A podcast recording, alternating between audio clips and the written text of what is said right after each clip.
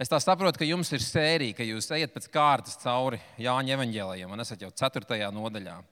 Un uh, lasot arī šīs dienas rakstu vietu, um, tā tēma ir mūžīgais, ne, bet dzīvais ūdens, kas var mūžīgai dzīvībai no šīs rakstītas patiesībā tik daudz kā skaista, tik daudz patiesību var mācīties un iegūt. Un, un no vienas puses ir tik grūti izvēlēties, ne, kam pievērst uzmanību. Un tāpēc šodien arī mēs, mums nebūs pilnīgi izsmeļoša mācība un svētdiena par šo tēmu, bet kādas svarīgas atziņas, domāju, ko varam mācīties. Jo no Jēzus dzīves mēs varam katru dienu mācīties ko jaunu. Jo viņš tiešām ir neizsmeļams avots. Dieva vārds ir tik bagāts, ka no tā nekad nebeigsies patiesības atziņa, ko mēs varam paņemt. Tas nav tā kā apēst kaut ko kādā McDonald's, un pēc tam tas hamburgers, cheeseburgers beidzās. Nē, te turpinās, te nāk un nāk un vēl un vēl un vēl, un nekad nebeidzās, un nekad arī nav par daudz.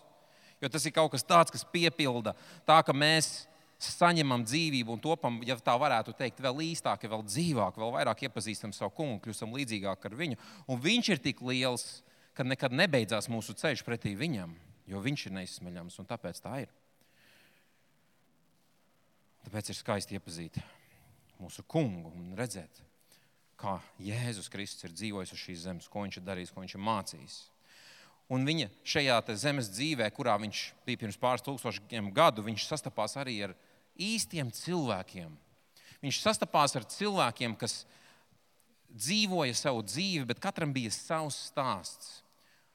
Bet viņš veltīja laiku, un katram bija citādāk, vai ne? Tā saskarsme ar viņu. Jūs atceraties, kaut kad iepriekš jūs noteikti esat runājuši par Nikodēmu, vai ne? Kurš atcerās? Atcerās kāds, ka Nikodēms bija vismaz viens cilvēks ļoti labi, vai pat pāris. Un jums bija Un Nikodējums, ne, viņš nāca un prasīja, kāda ir tā patiesība, nekā es varu mūžīgo dzīvību dabūt, ne, ko nozīmē piedzimt no jauna, vai atkal jālien mātēs miesās iekšā, vai ne, kā to var izdarīt. Jā, tā bija viena situācija. Un tad Jēzus ir vēl sastapies. Viņš ir sastapies ar aklajiem, viņš ir sastapies ar uh, valdniekiem, viņš sastapies ar, uh, ar trūcīgiem, viņš sastapies ar sievietēm, ar vīriešiem, ar tik dažādiem cilvēkiem. Un šīs dienas stāstā viņš sastopās ar sievieti. Viņš sastopās ar sievieti, kura bija viena pati. Ja. Un tā ir īpatnēja situācija. Un es vispirms gribu pievērst uzmanību kādām detaļām šajā tekstā. Un pēc tam skatīsimies, ko mēs varam mācīties no tā. Jēzus dodas tālāk. Jēzus dodas tālāk. Ir rakstīts, ka viņš kristījot vairāk mācekļu nekā Jānis, tā farizēji bija dzirdējuši. Un tad viņš atstāja jūdeju un devās atkal uz Galileju. Bet viņam bija jāiet cauri Samariju. Ja, un tad viņš nonāca Samarijas pilsētā vārdā Zihara. Redziet, rakstīts, ka viņam bija jāiet cauri Samariju. Tas ir savādi no vienas puses, varbūt vienkārši viena detaļa. Varbūt kāpēc viņam bija jāiet tur? Varbūt tāpēc, ka tas bija īsākais ceļš, vai viņš steidzās, vai kas cits varbūt. Un Jēzus tur devās nokļūt līdz šai ziharai, līdz vietai, kur pirms nepilniem diviem tūkstošiem gadu Jēkabs bija izracis aku Jāzepa tēvs Jēkabs. Jūs atceraties, varbūt esat lasījuši pirmā mūzes grāmatā, tad Jēkabs. Un izracis aku. Padomājiet vispār, toreiz viņiem šīs akas izrakšanas notikums bija gandrīz tikpat sens, kā mums šodien ir Jēzus Kristus nākšana pasaulē.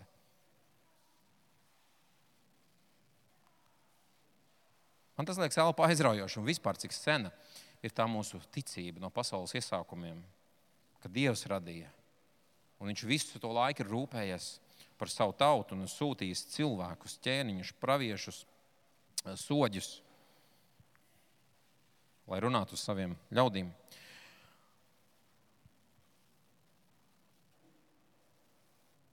Vēl mēs šeit uzzinām šodien nedaudz, nedaudz par to, ka jūdiem un samariešiem savstarpēji nebija labu attiecību. Jēzus sastopas ar sievieti, viņš prasa ūdeni, nesaņem ūdeni, bet tad pats piedāvā ūdeni, un tur apmēram arī beidzas šīs dienas raksturiet.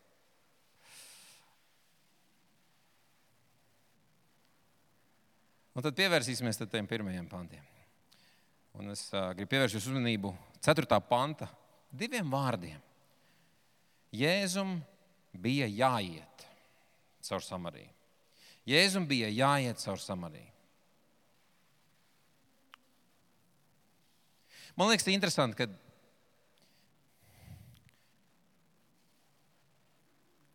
rakstīts tādā vajadzības izteiksmē, viņam bija jāiet.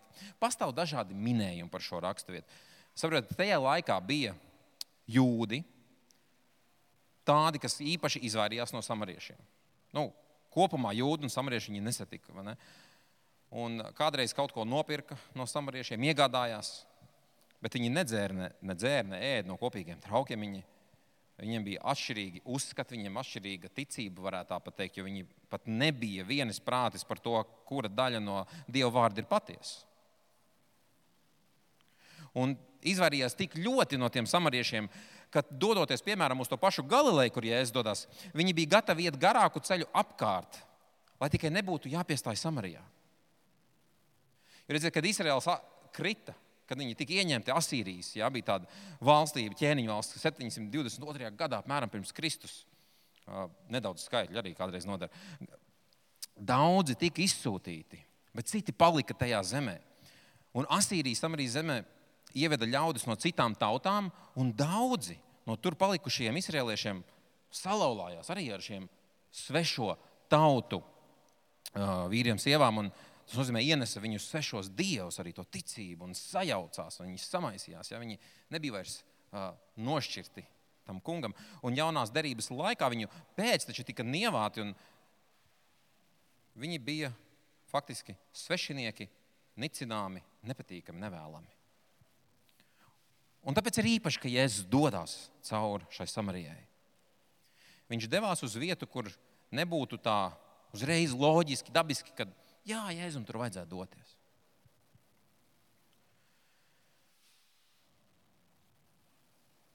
Bet patiesībā man liekas, un varētu būt tā, ne, ka Jēzus tur devās vairāk iemeslu dēļ. Varbūt viņš patiešām gribēja tikt līdz Galilejai ātrāk un izvēlējās doties pa taisno. Bet nevienā mirklī es nedomāju, ka Jēzus došanās līdz Jēkaba akai dienas sestajā stundā, kas ir pusdienlaiks, ja, tās dienas vidus, bija vienkārši sakritība. Es nedomāju, ka tā bija vienkārši sakritība. Dieva vārdā ir rakstīts, un, un daudz, kur šo mēs varam redzēt, iesaistīt 46, piemēram. Es no iesākuma pasludināju gala iznākumu kopš laika, gala to, kas vēl nebija noticis. Sacīdams, mans lēmums piepildīsies. Es īstenošu visu, kas man patīk. Kas to saka? To saka tas kungs. Es aicinu ērgli no rītiem un vīru pēc mana padoma no tālas zemes.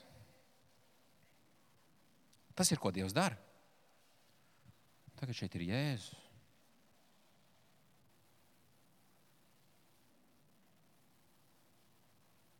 Es domāju, ka Jēzus šo tikšanos bija ieplānojis.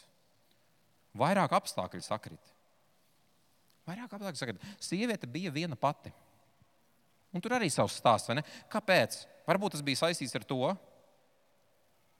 ka viņa līdz akai, akā viņa smēla ūdeni, vai ne? Viņa gribēja iegūt ūdeni. Nebija tajā laikā uh, kanalizācijas sistēmas tik ērts kā mums tagad šodien, ka viegli uh, dabūt ūdeni, bet vajadzēja doties līdz akai. Un tur to ūdeni pēc tam kaut kādā veidā pārvest mājās. Varbūt tas saistīts ar to, kāpēc viņa bija tik savā laikā, to, ka viņai, ko mēs nākamajā reizē kaut kad jūs lasīsiet, nākamos pantus šajā nodaļā, ka viņai bija bijuši pieci vīri. Un tagad viņi bija pat kopā ar vīrieti ārpus laulības. Pat mūsdienas, kad šķiršanās un vispār izvairīšanās no laulības ir tik izplatīta, tas šķiet pārmērīgi. Kāpēc tik daudz? Kāpēc tik daudz? Tas ir savādi. Kaut kas neliekas riktīgi, kaut kas nav pareizi. Vārds sakot, viņa bija. To mēs redzam un redzēsim jūs, redzēsim jūs vēl vairāk nākamajā reizē, iespējams. Viņa bija grēciniece. Šī sieviete bija grēciniece. Un ļoti iespējams, ļoti atstumta grēciniece, tāda, kuru negribēja vietējie ciema ļaudis redzēt savā vidū. Un tā izskatās, ka viņa tīšām izvairījās no cilvēkiem. ka viņa tīšām izvairījās no cilvēkiem. Un Jēzus, ja tā ir tāda sievietes puse, un Jēzus, visi viņa mācekļi pēkšņi bija devušies iepirkt pārtiku. Visi viņa mācekļi devušies iepirkt pārtiku, un viņam nebija līdzi neviena, kas palīdzētu iesmelt ūdeni. Iedomājieties, viņš tur nokļūst. Turklāt vēl tieši tajā laikā, kad tur ir šī sieviete, un lūk, viņi divi tā sastopās. Es domāju, ka šī bija dievišķa, īpaši plānota tikšanās, un tas nenotika netīšām. Jēzus zināja, ko viņš dara, un viņš nemaz nebrīnījās par šiem apstākļiem. Viņš gribēja sastapties ar šo grēcinieci, ar šo sievieti. Un es gribu uzdot jums jautājumu, padomājiet par savu dzīvi. Mēs daudz ko varam mācīties no Dieva vārda un dziļāk rokoties, nu, tik daudz patiesību. Bet padomājiet par savu dzīvi no šāda aspekta. Vai jūs kādreiz paši jūtaties tā, ka esat apstākļu gūstā, ka esat dzīves situācijā, kur negribētos būt? Un jūs varbūt pat neredzat jēgu tam, kas notiek. Dievs, redziet, Dievs jūs grib gatavot un arī gatavo saviem labajiem darbiem. Viņš jūs grib gatavot, ja jūs neesat ar viņu. Un, ja jūs esat ar viņu, viņš jūs ir sagatavojis labajiem darbiem, ko viņš jums ir iepriekš jau paredzējis.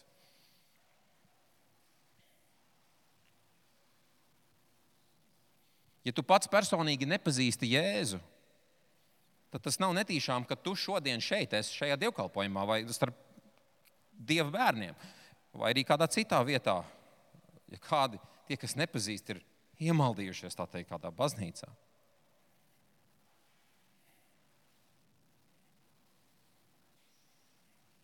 Iespējams, tev liekas, ka netīšām viss kaut kas notiek, bet tā nav. Mums ir Dievs, kam ir plāns un kas daudz labāk par mums apzinās, kas mums ir vajadzīgs. Dievam ir plāns.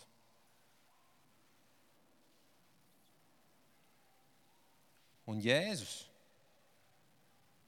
viņš aicina un uzrunā. Viņš nāk pie, pie tādiem cilvēkiem, varētu teikt, pat tikai pie tādiem cilvēkiem, kas nemeklē viņu. Viņš uzņemās šo iniciatīvu.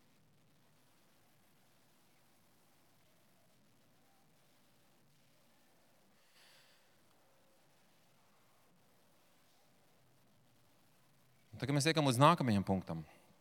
Mēs no Jēzus šeit varam mācīties par to, ka viņš uzrunā grēciniekus. Un ļoti vienkārši un šķiet arī praktisks novērojams, kā viņš uzrunā šos grēciniekus, kā viņš uzrunā šo sievieti. Paskatāmies nedaudz ne tajā viņu sarunā. Jēzus viņai saka, ko viņš saka? Kurš atcerās? Mēs lasījām, nu pat dod man dzert. Dod man dzert. Jēzus saka šai sievai, dod man dzert. Ko starp citu viņš iespējams nemaz nevarētu pateikt, ja viņiem būtu bijuši mācekļi līdzi, kas jau būtu ar savām ūdens pudelēm, tā teikt, un ar visu to pārtiku.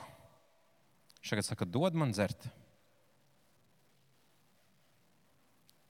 Cik ļoti praktiski vienkārši veids uzsākt sarunu.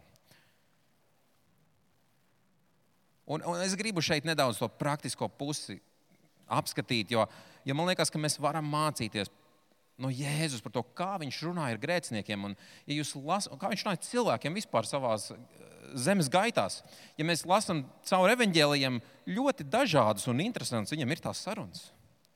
Un nebūt ne tādas bieži vien, kā mēs uzreiz iztēlojamies, ja mēs tā nepadomājam dziļāk, ja mēs nepievēršam uzmanību detaļām. Un šis bija tik praktiski vienkārši veids uzsākt sarunu. Ja es nenācu pie šīs sievietes ar vārdiem, es ar tevi šodien gribu parunāt par teoloģiju. Tas nebija pirmais, ko viņš teica. Viņiem pēc tam bija kārtīga saruna. Un kā vēl? Bet viņš nenāca ar tādiem vārdiem.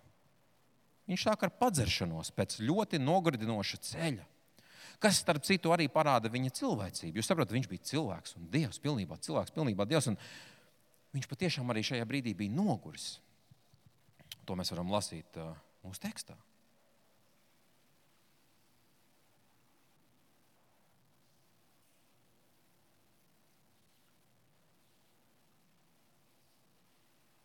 Patiesībā jau ar citiem arī Jēzus runāja par šīm praktiskajām lietām. Atcerieties tādu caķeju. Viņš atradās kur? Kokā, vai ne?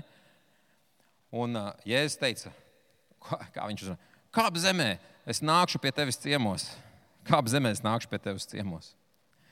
Bija jau sākusies saruna ar tādu bagāto jaunekli reizi. Tad Jēzus viņu mudināja pārdot savu mantu. Un Jēzus bija ļoti dažādas sarunas ar ļaudīm, bet viņam vienmēr bija doma, kāpēc viņš saka to, ko saka. Un samariet atbild, kā tu jūtas būdams, prasīt dzert no manis samarietes, jo jūdi ar samariešiem nesagājās. Mēs jau to izrunājām, ne samarieši un jūdi nu, nebija draudzīgās attiecībās. Un Jēzus viņai atbildēja, ja tu ko zinātu par Dieva dāvanu un kas tas ir, kas tev saka, dod man dzert, tad tu būtu viņu lūgusi un viņš būtu tev devis dzīvu ūdeni. Samariet viņam saka, kungs, tev nav smeļamā trauka un aka ir dziļa. No kurienes tad tev ir dzīvais ūdens?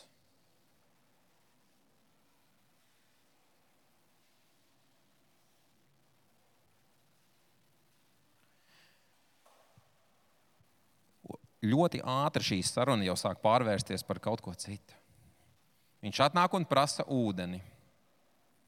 Samarieta arī saprot, ka šī situācija ir savāda.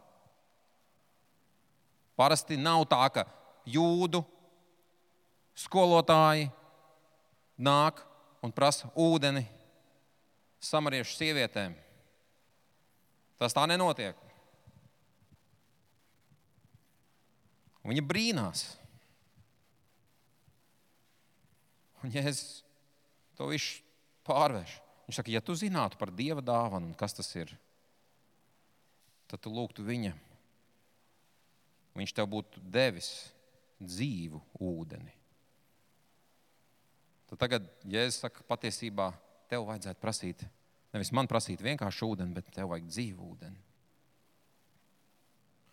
Un mēs vēlāk uzzināsim par sievietes, jūs vēlāk uzzināsiet par sievietes pagātni vēl vairāk un viņas pašreizējo situāciju. Bet ko mēs varam redzēt?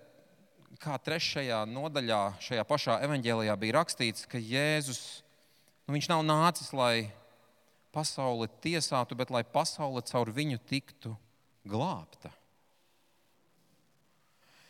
Un atkal, ko tas nenozīmē? Tas nenozīmē, ka viņš pieņem sievietes grēcīgo dzīvi, nebūtu nē. Bet viņš nāk ar mērķi, ko darīt, viņu glābt.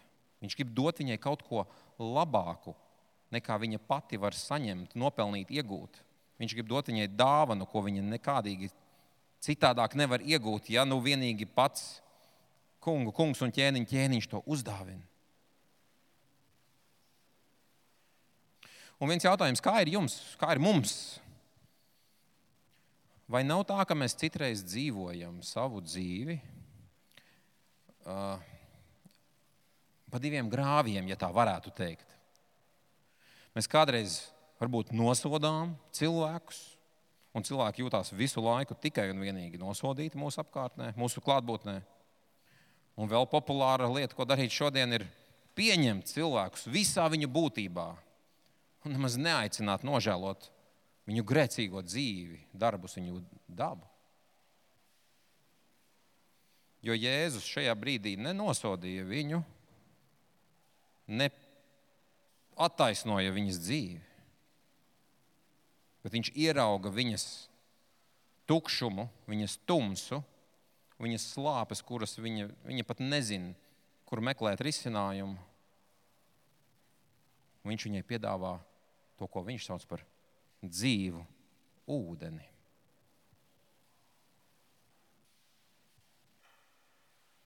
Ja tu ko zinātu par Dieva dāvanu un kas tas ir, kas tev saka, dod man dzert, tad tu būtu viņa lūgus un viņš būtu tev devis dzīvu ūdeni.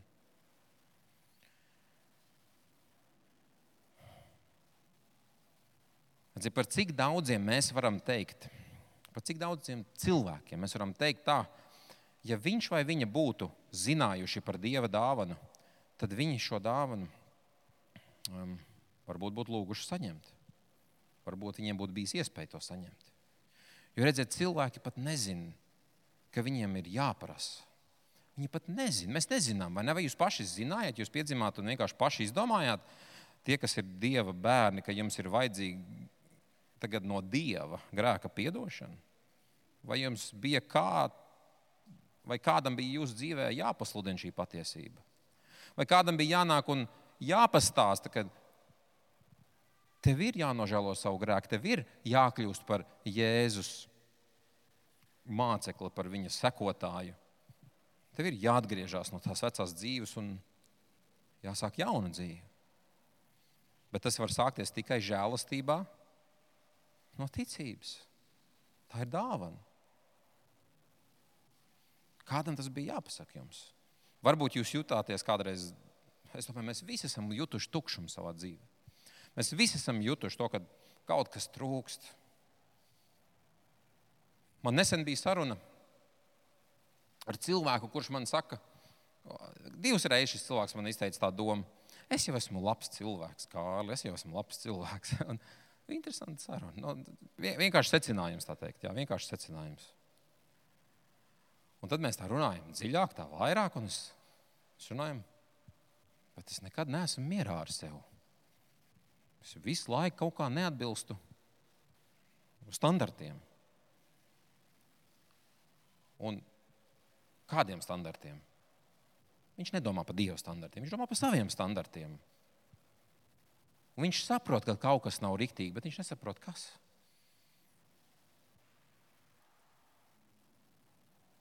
Un šis cilvēks vēl nav satvēris to, ka patiesībā, iedomājieties, ja mēs pat saviem standartiem neatbilstam, tad kur nu vēl vairāk dieva standartiem?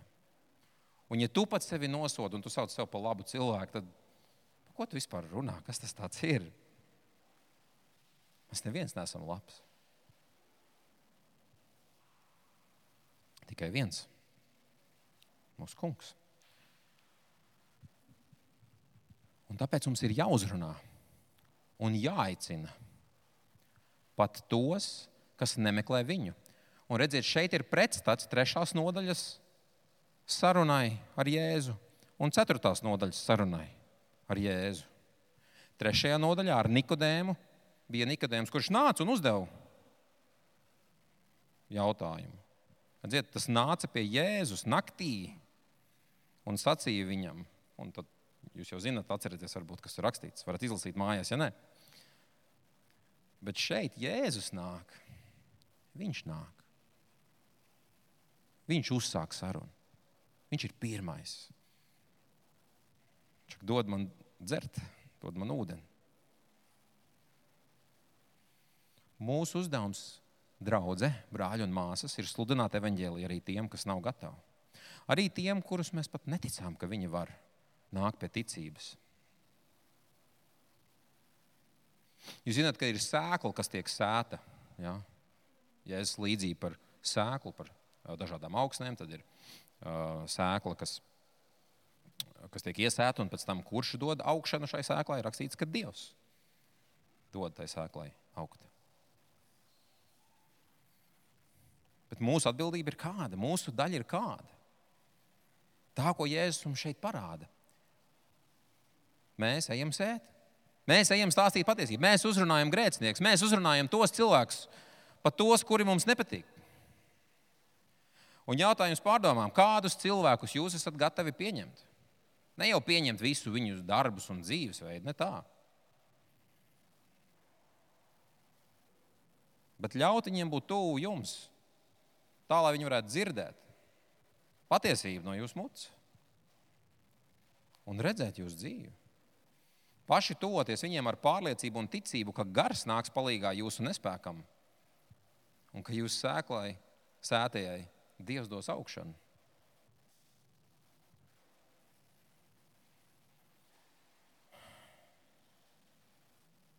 Kā izskatās tas, ka esam gatavi būt tūmā pat vislielākajiem grēciniekiem?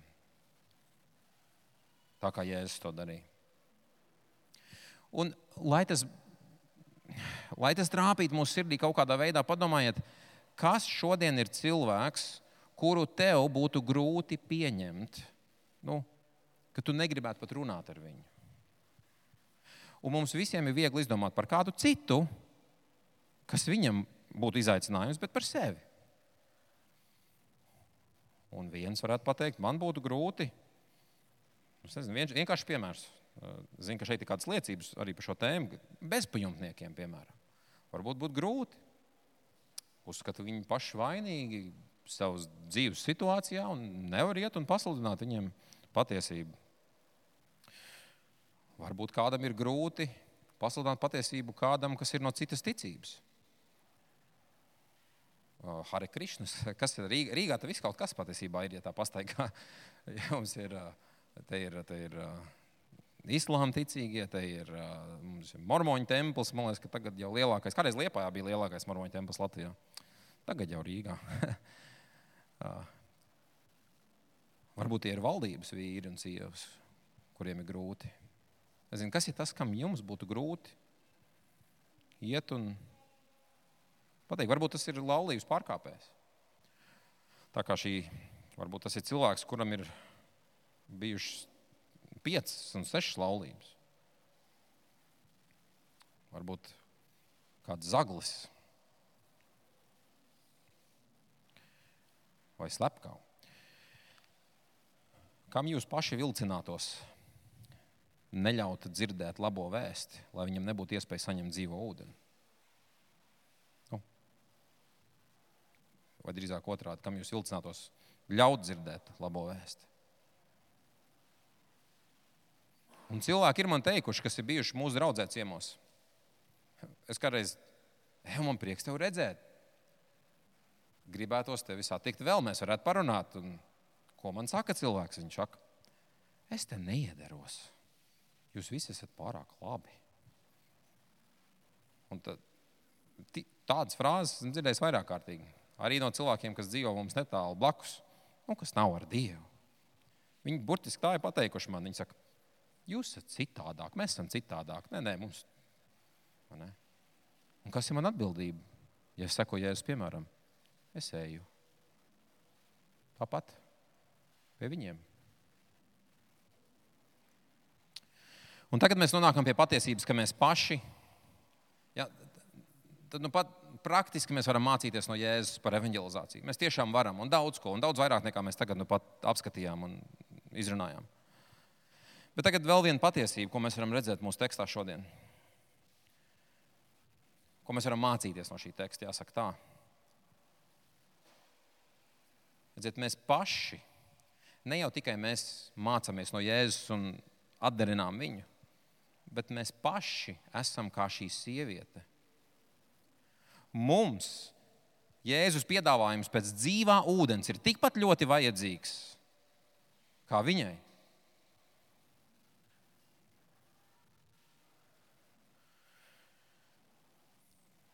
Un līdzīgi kā jūs nākamajā reizē, domāju, dzirdēsiet par to, kā sieviete sāka ticēt uz Jēzu, un tālāk daudzi samarieši arī arī mūsu evanģelizēšana, arī mūsu gaismas izstarošana šajā tumšajā pasaulē ir iespējama tikai tad un tikai tāpēc, ka paši esam sastapušies ar Jēzu Kristu, ka Viņš mūs ir uzrunājis un izvilcis ārā no tās tumsības, kurā mēs bijām. Ik viens no mums bez izņēmuma, starp citu. Nav neviens piedzimis gaišs un skaists tikai vienīgi. Mēs esam kā šī sieviete.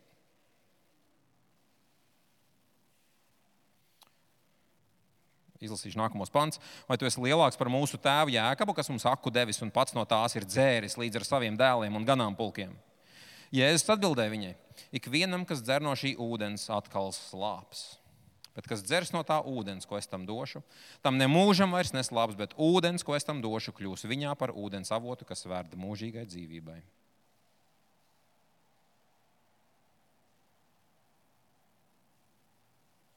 Ikvienam no mums ir vajadzīgs šis ūdens. Mēs visi savā dzīvē smeļam no kaut kādas jēkaba akas, ja tā var teikt. Nu, salīdzinājums. Ne, bet, nu jā. Sieviete dienu no dienas, viņa atkal un atkal iet un smeļ savu ūdeni. Viņa grib padzerties, viņai vajag padzerties. Un tad viņa aiziet mājās, un tad atkal viņai jāiet atpakaļ uz to aku. Mēs cilvēki, mēs arī meklējam ne jau tikai šo vajadzību pēc padzeršanās, to slāpju remdēšanu, bet mēs meklējam visāda veida piepildījumu, kas mums dos mieru. Kas ir tas, kas man dos prieku? Kas ir tas, kas man piepildīs? Un cilvēki, jūs zināt, visur to darbā mēs meklējam to citreiz. Citreiz mēs to meklējam uh, vienkārši. Ir, ir cilvēki, kas to meklē radikālās izklaidēs, piemēram. Ja nav kaut kas ekstrēms uz dzīves nāves robežas, tad tu neesi piepildīts. Ir kas to meklē naudā un neatrod, protams. Nu, atkal un atkal tu ej, un tev vajag vēl un vēl, jo tu, tu nevari tikt piepildīts no tā. Ir kādi, kas meklē pilnīgo piepildījumu vīrā un sievā. Un tad uzkrāja viņiem tādu nastu un sagaida, ka vīrs vai sieva būs kā dievs. Ir kādi, kas nododas dažādām atkarībām. Un mūsdienās viena no vietām, kur meklējam piepildījumu, tas nav tā kā senos laikos, nezinu, lasīju, ko nu, kādreiz sauc par krogiem, ne, vai sazinu, kā tur vēl. Bet, bet šodien, kur mēs meklējam piepildījumu, cik cilvēki apskatīs mani sociālajos mēdījos, vai ne, cik daudz labu, labas saraksts man būs, vai ne, cik daudz draugi man vai sekotāji būs.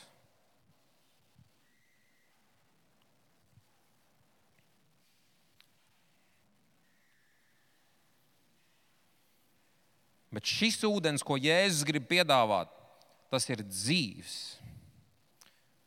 kuru, ja tu dzersi, tev neslāps vairs ūdens, kas kļūs par verdošu avotu.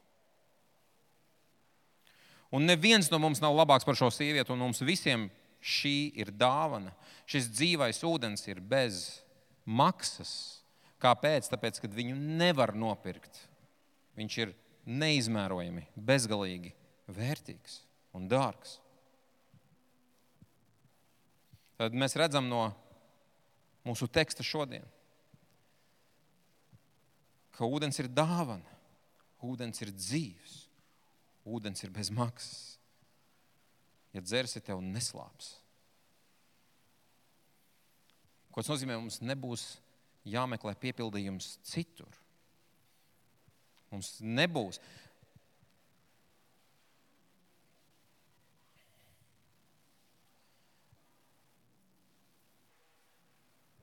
Jēzus grib, lai mēs.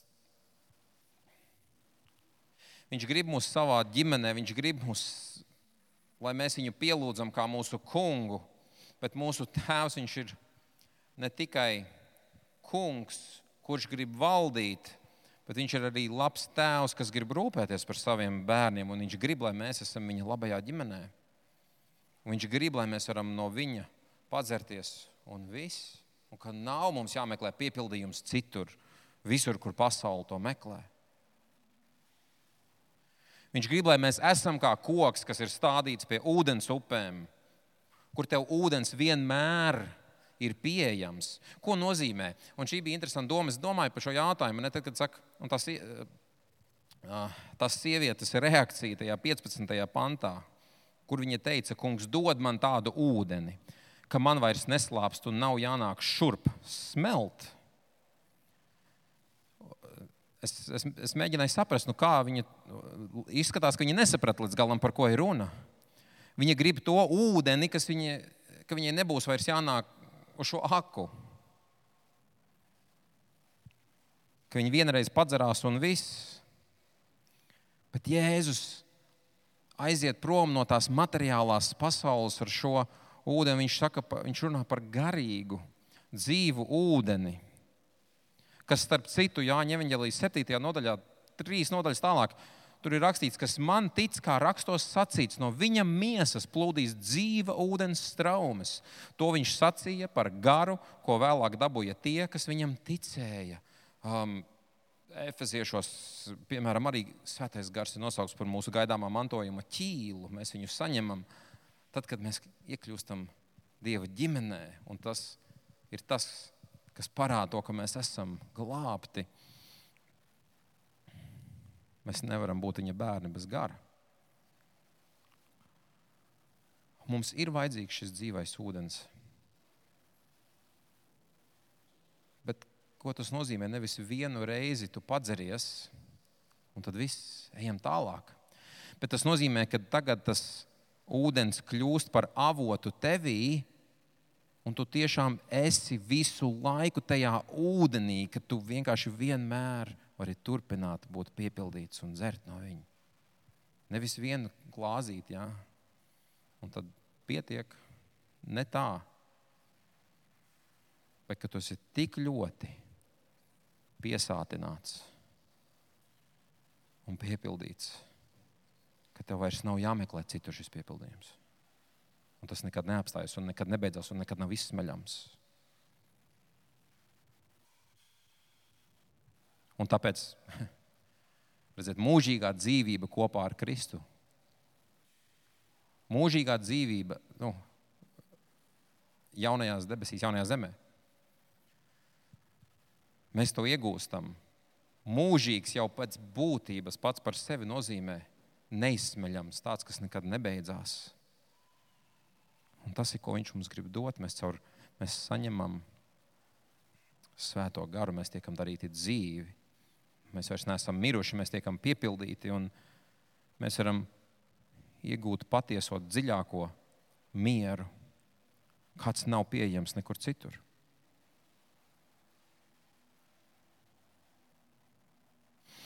Gribu izlasīt, rakstīt no iesaistas grāmatas 12. nodaļas, dažus pants. Ieklausieties. Es tev pateicos, kungs, jo tu gan biji uz mani dusmīgs, bet tavas dusmas norima, un tu mani iepriecināji. Tiešām Dievs ir mana pestīšana. Es esmu paļāvības pilns un nebīstos, jo Dievs, tas kungs, ir mans stiprums un mana slavas dziesma. Viņš bija priekš manis pestīšana, un jūs smelsit ar prieku ūdeni no pestīšanas avotiem.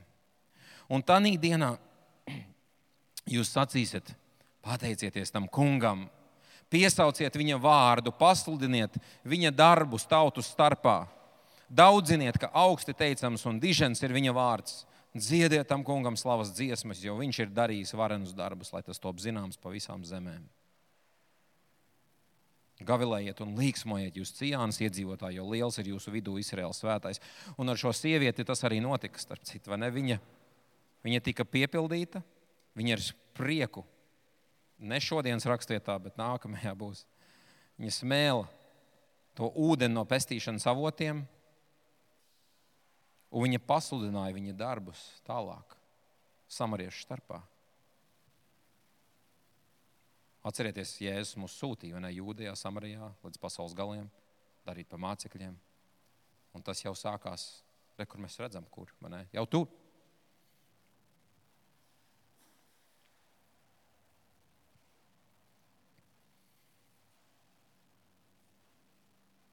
Bet ak, cik bieži mēs esam līdzīgi šai sievietei arī šajā ziņā. Tātad, ja es dzeršu no šī ūdens, man nebūs vairs jānāk uz šo haku. Jā, cik labi. Vai arī, oh, man nekad nebūs, nu, ko mēs cilvēki mākam izdomāt savā prātā. Oh, es kļūšu par ticīgu cilvēku, kļūšu par dieva bērnu. Man nekad vairs nebūs jāstrādā, lai pelnītu naudu savai ģimenei. Man vienmēr viss tiks iedots. Ir tāds labklājības evaņģēlijs, esat dzirdējuši, jā, kur, man, kurš, kurš ir maldīgs, kļūdains. Un, jo pienāks tā diena, kad mēs būsim pavisam piepildīti, kad viss būs skaists. Bet tā diena vēl nav šeit. Tas ir process. Tas ir process. Mūsu svētāpšana ir process. Mūsu ceļš uz mūžīgo mājokli ir ceļš. Mēs vēl neesam līdz galam klāt.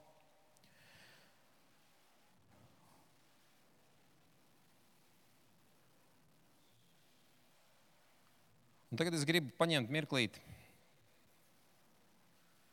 aicināt jūs izmeklēt savu sirdi. Padomājiet par to, par sevi un, un, un, un ņemiet vērā, ko mēs šodien esam apskatījuši. Un es gribu, lai tas ir arī jums par iedrošinājumu. Saprotiet, Jēzus viņš nāk uz šo Samariju, sastopas sievieti, kura nebija plānojusi šo tikšanos, un viņa tiek pestīta. Viņa iekļūst Dieva ģimenē pateicoties tam, ka Jēzus gāja un runāja uz viņu. Viņš dzinās viņai pakaļ. Nu, Neburtiski šajā gadījumā, bet mēroja diezgan tālu un savādu ceļu. Tas nozīmē, ka, ja jūs pazīstat Dievu, Viņš ir arī parūpējies par to, lai jūs varētu būt viņa ģimenē. Un tas nav netīšām. Neviena no jūsu dzīvēm un neviens no jūsu aicinājumiem nav netīšām. Jūs neesat vienkārši kaut kur pazuduši. Varbūt jūs sajūtaties kāds apmaldījies, bet jūs neesat. Jūs esat Dieva rokās, un Viņš grib, lai jūs nākat pie Viņa. Un lai jūs esat tiešām kā tas koks, kas nes augļus labā īstā laikā, kas dzer no tā dzīvā ūdens visu laiku un nemeklē piepildījumu citur. Jūs tiecaties pēc Dieva valstības pirmām kārtām, un tad viss pārējais tā piemests nevis otrādi. Nevis otrādi. Nē, es pieredzu pie šī. Mums ir citādāks liepā. um. Tā kā apzināties, ka Jēzus, mūsu Dievs, ir suverēns, Viņš valda. Un viņš arī jūs izredz, viņš meklē jūsu sirdi, viņš grib uh, jūs savā ģimenē redzēt, un viņš uz jums runā, bet viņš lieto, vēl viņš lieto mūs. Un tas nozīmē, ka arī mums ir uzdevums iet tālāk un dalīties ar šo gaismu un pasludināt šo patiesību ar mūsu līdzcilvēkiem. Mūsu līdzcilvēkus aicināt nākt un arī dzert no šī ūdens, kas piepilda un ka nekad nebeidzās, un viņš nav izsmeļams. Viņš tev dara dzīvu.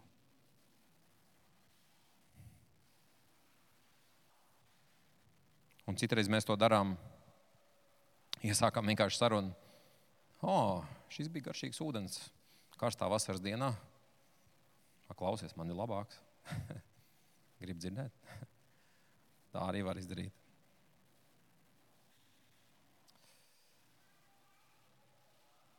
Un vienmēr atceramies, ka mēs paši arī esam tā kā šī sieviete. Mēs paši arī esam tā kā šī sieviete, ka mēs nevaram bez Jēzus Kristus. Mēs neesam labāki paši par to samarieti. Mēs visi esam bijuši ienaidā ar Dievu. Visi, bez izņēmuma. Un tas nozīmē, lai kāds ļaundaris jums liktos kāds cits cilvēks. Jūs nedrīkstat paaugstināties. Bet mūsu uzdevums ir arī viņu aicināt, atgriezties no nāves un kļūt dzīvam. Neiespējami. Tas ir neiespējami jūsu spēkā. Kurš dod augšanu? Dievs dod augšanu. Un, ja jūs tam tiešām noticat, tad jūs arī varat saņemt drosmi pasludināt patiesību. Jo, ja man būtu jātic, ka es spēšu pārliecināt kādu tagad ticēt, tik, kā ir rakstīts, ģeķīgai vēstī, kā es to nevaru izdarīt? Es esmu savulaik strīdējies ar cilvēkiem uz ielas pat par kaut kādām patiesībām. Tas bija galīgi garām. es centos ar savu prātu viņus pārliecināt par to, ka Dievs ir īsts Un tad mēs tur bļaustījāmies. Tad es sapratu, man liekas, ka viņiem ir muļķīgi argumenti. Un, un, un tā, bet es sapratu, ka es jau arī rīkojos muļķīgi. Es rīkojos savā spēkā. Un es neļauju Dievam būt tam, kurš dod augšanu. Bet, ja mēs ejam viņa spēkā, tad viss ir iespējams. Un kā tev iet? Vai tev ir šī dzīvība, vai tev ir dzīvais ūdens, vai tev ir gars, vai tu esi kristīts tagad Dieva ģimenē?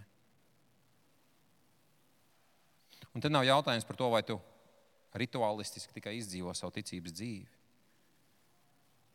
Vai, vai tu, pie, jā, nu, ko tas nozīmē? Jā, vai es piedalos vakarēdienā, es eju uz dievkalpojumiem, es lasu Bībeli, kuras visas ir ļoti labas lietas un vajag darīt. Bet vai tev ir tāda dzīve un dzīvība tevī, ko tikai Dievs var dot?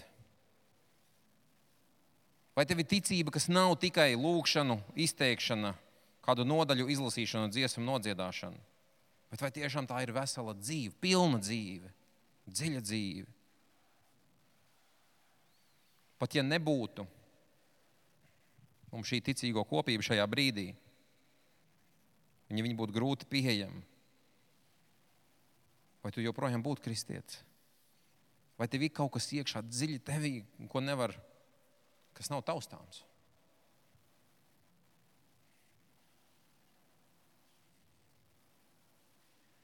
Vai tev ir dziļāka tā iekšējā dzīve, kur cilvēks ar miesu, ar tādu miesīgu domāšanu nemaz nevar izprast un saprast? Tā Dieva vārda patiesības sēkla tavā dvēselē. Vai tev ir dzīvība tevī, kas ir pārdabiska? Vai tavas lūgšanas nāk no sirds, no tavas dvēseles dziļumiem?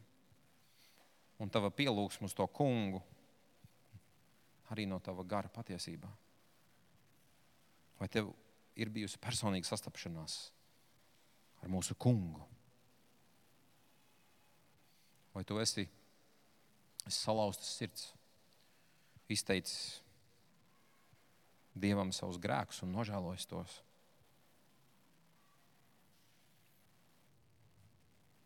Vai tu esi skatījies ar ticības acīm uz Jēzu Kristu? Un tad gājis pie viņa, atdot viņam savus nastas un meklēt mieru pie viņa un iegūt to.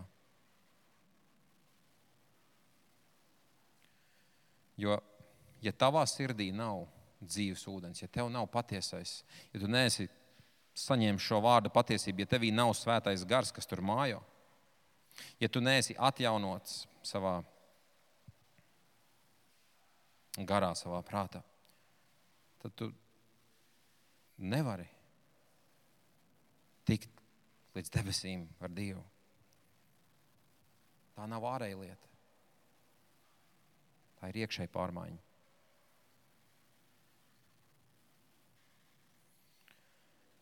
Mums visiem ir jābūt no jauna piedzimušiem. Kā ir ar tevi? Un to es lūdzu, lai Dievs mums ikvienam palīdz izmeklēt savu sirdi un arī patiesi atbildēt. Un, ja es esmu Dieva bērns, tad es arī es turpinu baudīt un dzert no šī dzīvā ūdens un būt patiesā dziļākā mierā.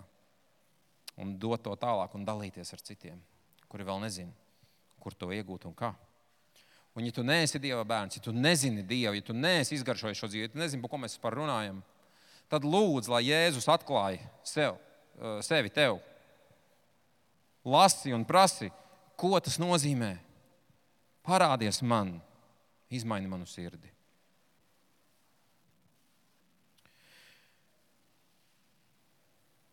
lai Dievs mums draudz palīdz uz to.